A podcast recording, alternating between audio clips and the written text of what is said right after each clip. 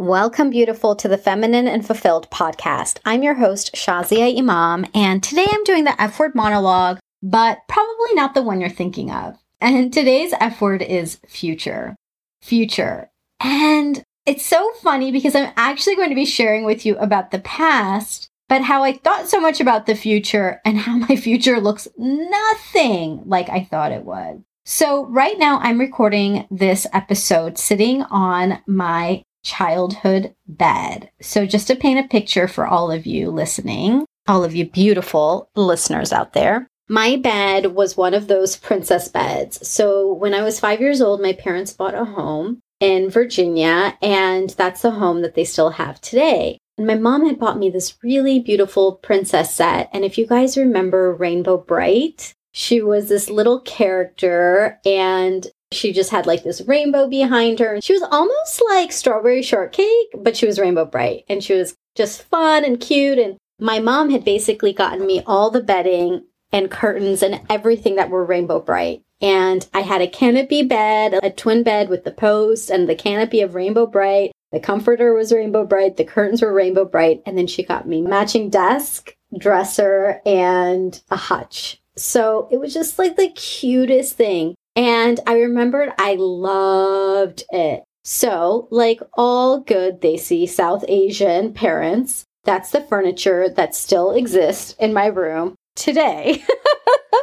I never changed it out as a teenager, but I did get rid of all of the Rainbow Brite paraphernalia and changed my comforter, but the furniture is still the same. And so right now I'm sitting on that twin bed. There's no canopy anymore, but it's still got these long beige and gold posts and I'm staring at my desk and my hutch, which is filled with books and little trinkets from when I was in high school and college. And the reason I'm sharing all of this with you is because I was looking through some of my old drawers and I found these pictures. I found these old pictures of me from back in high school and college, and I was just totally reminiscing. I was looking through all of them and I found my old college applications. I found my old internship photos. I mean, there's just a bunch of like great memories that I was looking through. And one of the things that really stood out to me is I found my pictures from my graduation from college. And these pictures are just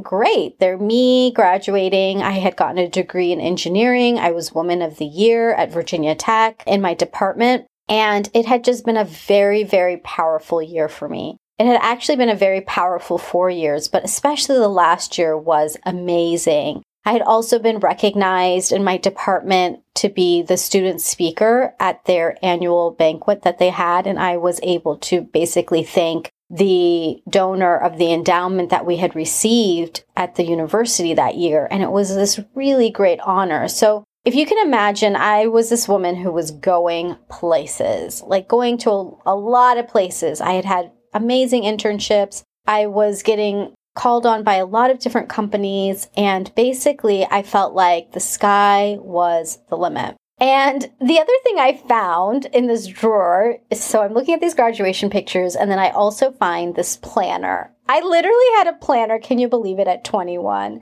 And I was kind of laughing because I literally had different tasks in there, like what class to go to, or what exam, or check grades, or plan Mariam's birthday party.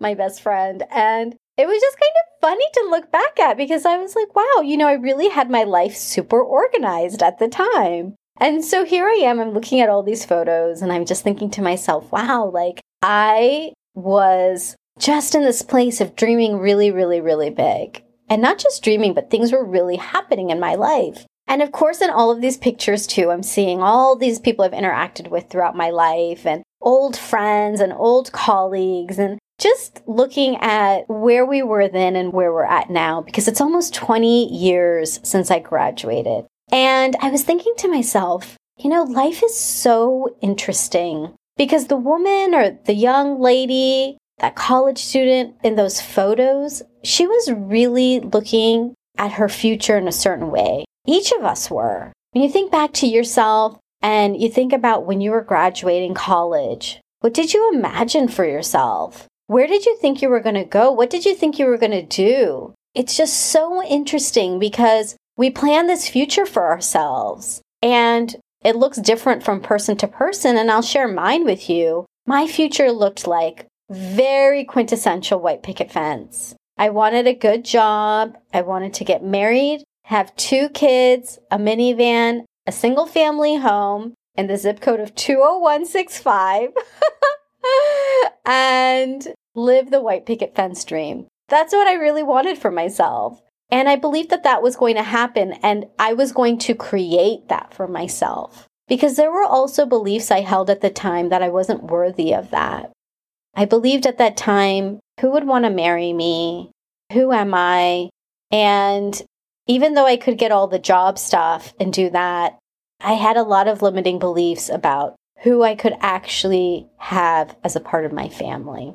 But I held tight to this white picket fence dream, and that was the future that I envisioned for myself, and I wanted that. And I really thought that that was what was going to happen. Even with my limiting beliefs, I believed that it was going to happen. And I thought, I'm going to have this, and I'm going to be happy, and that's the way things are going to work. And so when I had graduated and I was out of school for about a year, I got married. And during that time, in my early to mid 20s, I thought a lot about our future too, my husband at the time. And I would think about, you know, okay, well, when we have kids, well, I want them to go to this one particular private school. It's called Al Fateh. And I wanted them to go there because I really liked the school. It was very like family oriented and I knew a lot of people who went there and I just thought that's where I want them to go. So the way I would look at finances would be to look at, okay, how much will it cost to buy a home? And then how much will we need to basically save up this money to send our kids to this private school and also allow me to not work? Like I used to literally have a spreadsheet that like tracked our finances in this way and how much we would need to save every year and what we needed to do. And I mean, I would look at this spreadsheet a lot to think about. what kind of a house and private school tuition and all of these things for something that hadn't happened yet. And I can laugh about it now because I just, I kind of chuckle. And I chuckle because, I mean, you guys know I am not raising any of my own children. I have my beautiful stepdaughter who's in public school. She's having a great time in first grade. But I didn't actually have any children of my own that I'm raising. And that is so ironic to me because I had spent so much time planning for this future with somebody I'm not even with anymore, for a family that doesn't exist, and I don't even live in the area of 20165 anymore. I live in a completely different state. So I just share this with you because it's ironic it's ironic how much time and energy I spent waiting for something to happen in the future, waiting for this white picket fence dream to happen to then live my life. And I spent a great deal of time waiting, waiting, churning the spreadsheet, churning the numbers, thinking, daydreaming. When is that going to happen? How is that going to happen? I would even kind of get stressed about it a little bit. Like, not even a little bit, a lot. I would think about the money situation a lot. Are we going to have enough? Is it going to work? Oh my gosh, how are we going to do it? And then what will what will be the family dynamics? And I mean, I would think about all sorts of things. And if you've been following me for some time now, you know about me catastrophizing. And if you haven't already listened to my episode 96 called Failure, You'll hear about how my therapist had basically told me to get rid of my crystal ball because it's always wrong. And it is, it's always wrong.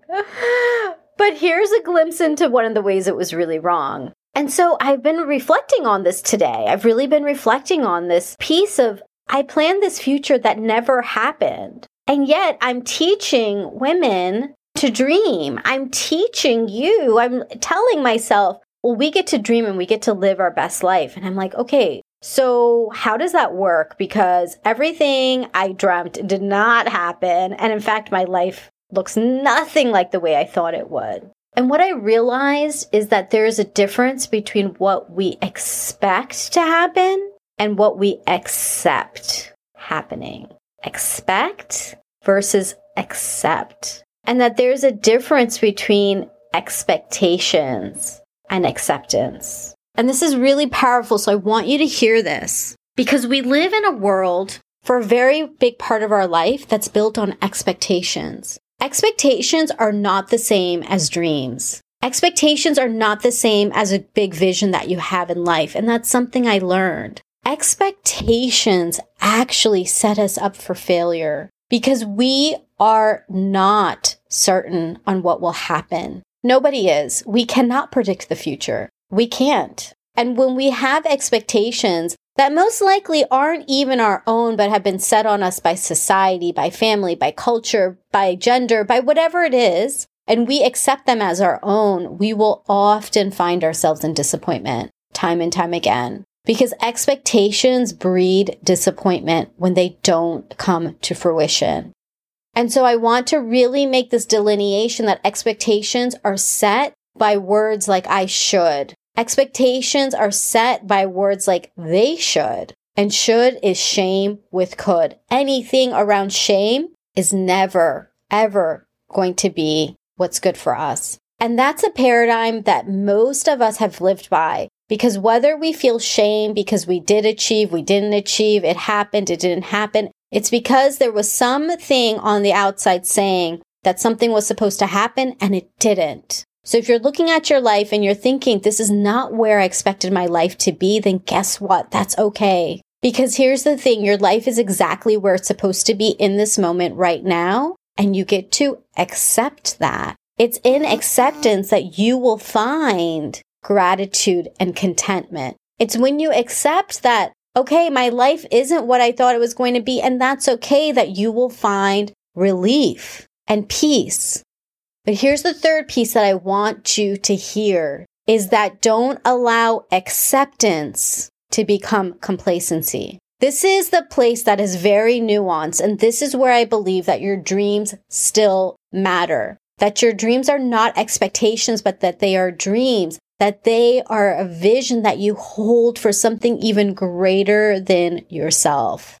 Because what you get to do, what we get to do is we get to accept where our life is today. We get to accept because it's come from the divine fashioning our life in the most beautiful way. And we now get to ask and desire for the things that we have always deeply wanted but we always stuffed down because of the expectations.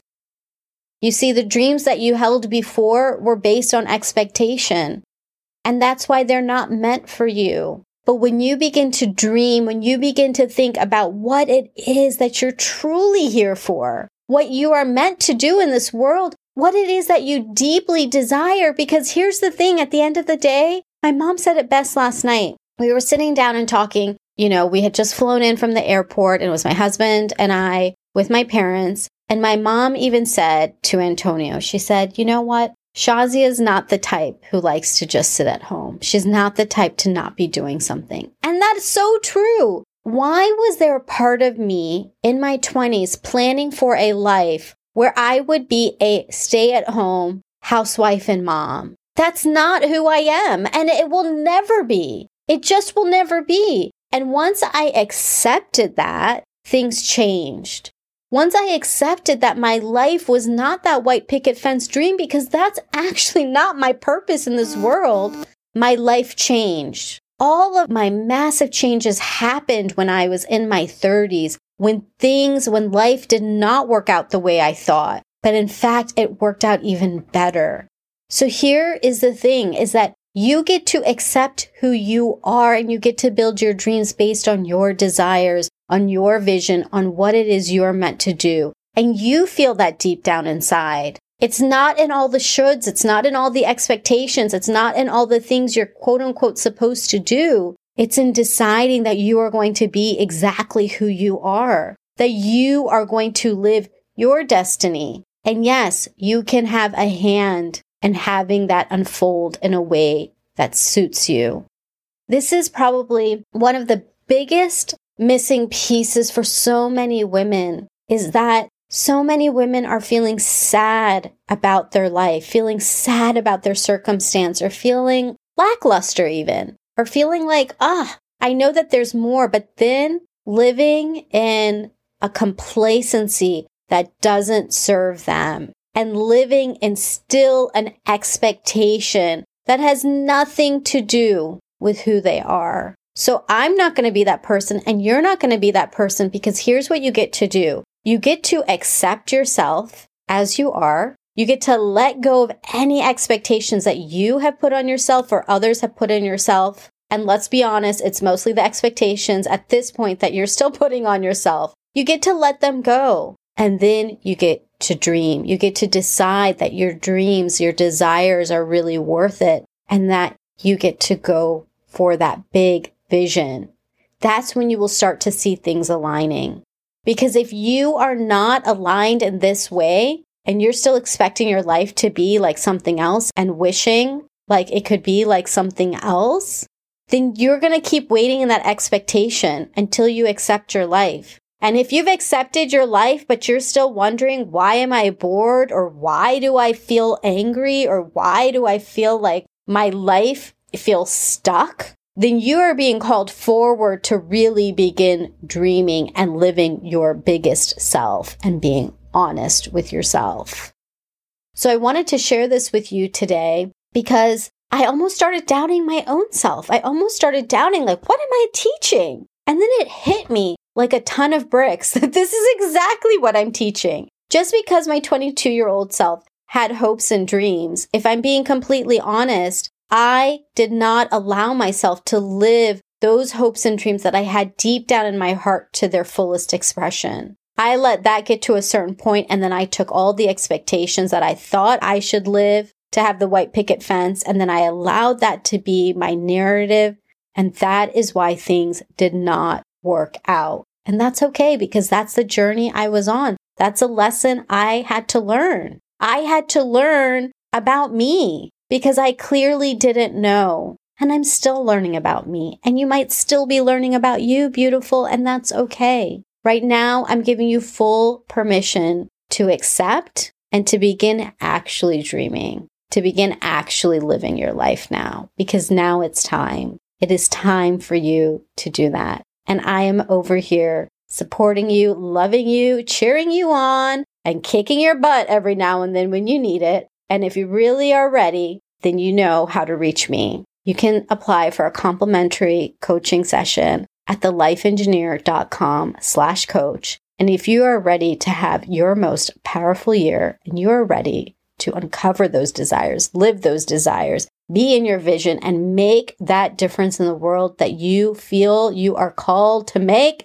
then it is time. And I will see you at thelifeengineer.com slash coach. Until next time, Lilas, love you like a sister. Oh, and one last thing before I forget, I wanted to give you a really special gift because how could I not? I actually have a list of my favorite things that make me feel feminine and fulfilled. And I would love for you to have it so that you can grab whatever you want from the list. So if you want to see my list of my favorite things, go to thelifeengineer.com slash favorite. And it is a full list of all of the things that I love and all the links for you to grab them. So that's thelifeengineer.com slash favorite. And I just had to give you a gift, beautiful, because you deserve a fabulous gift. And why not all of the most favorite things to make you feel feminine and fulfilled? Okay. Love you.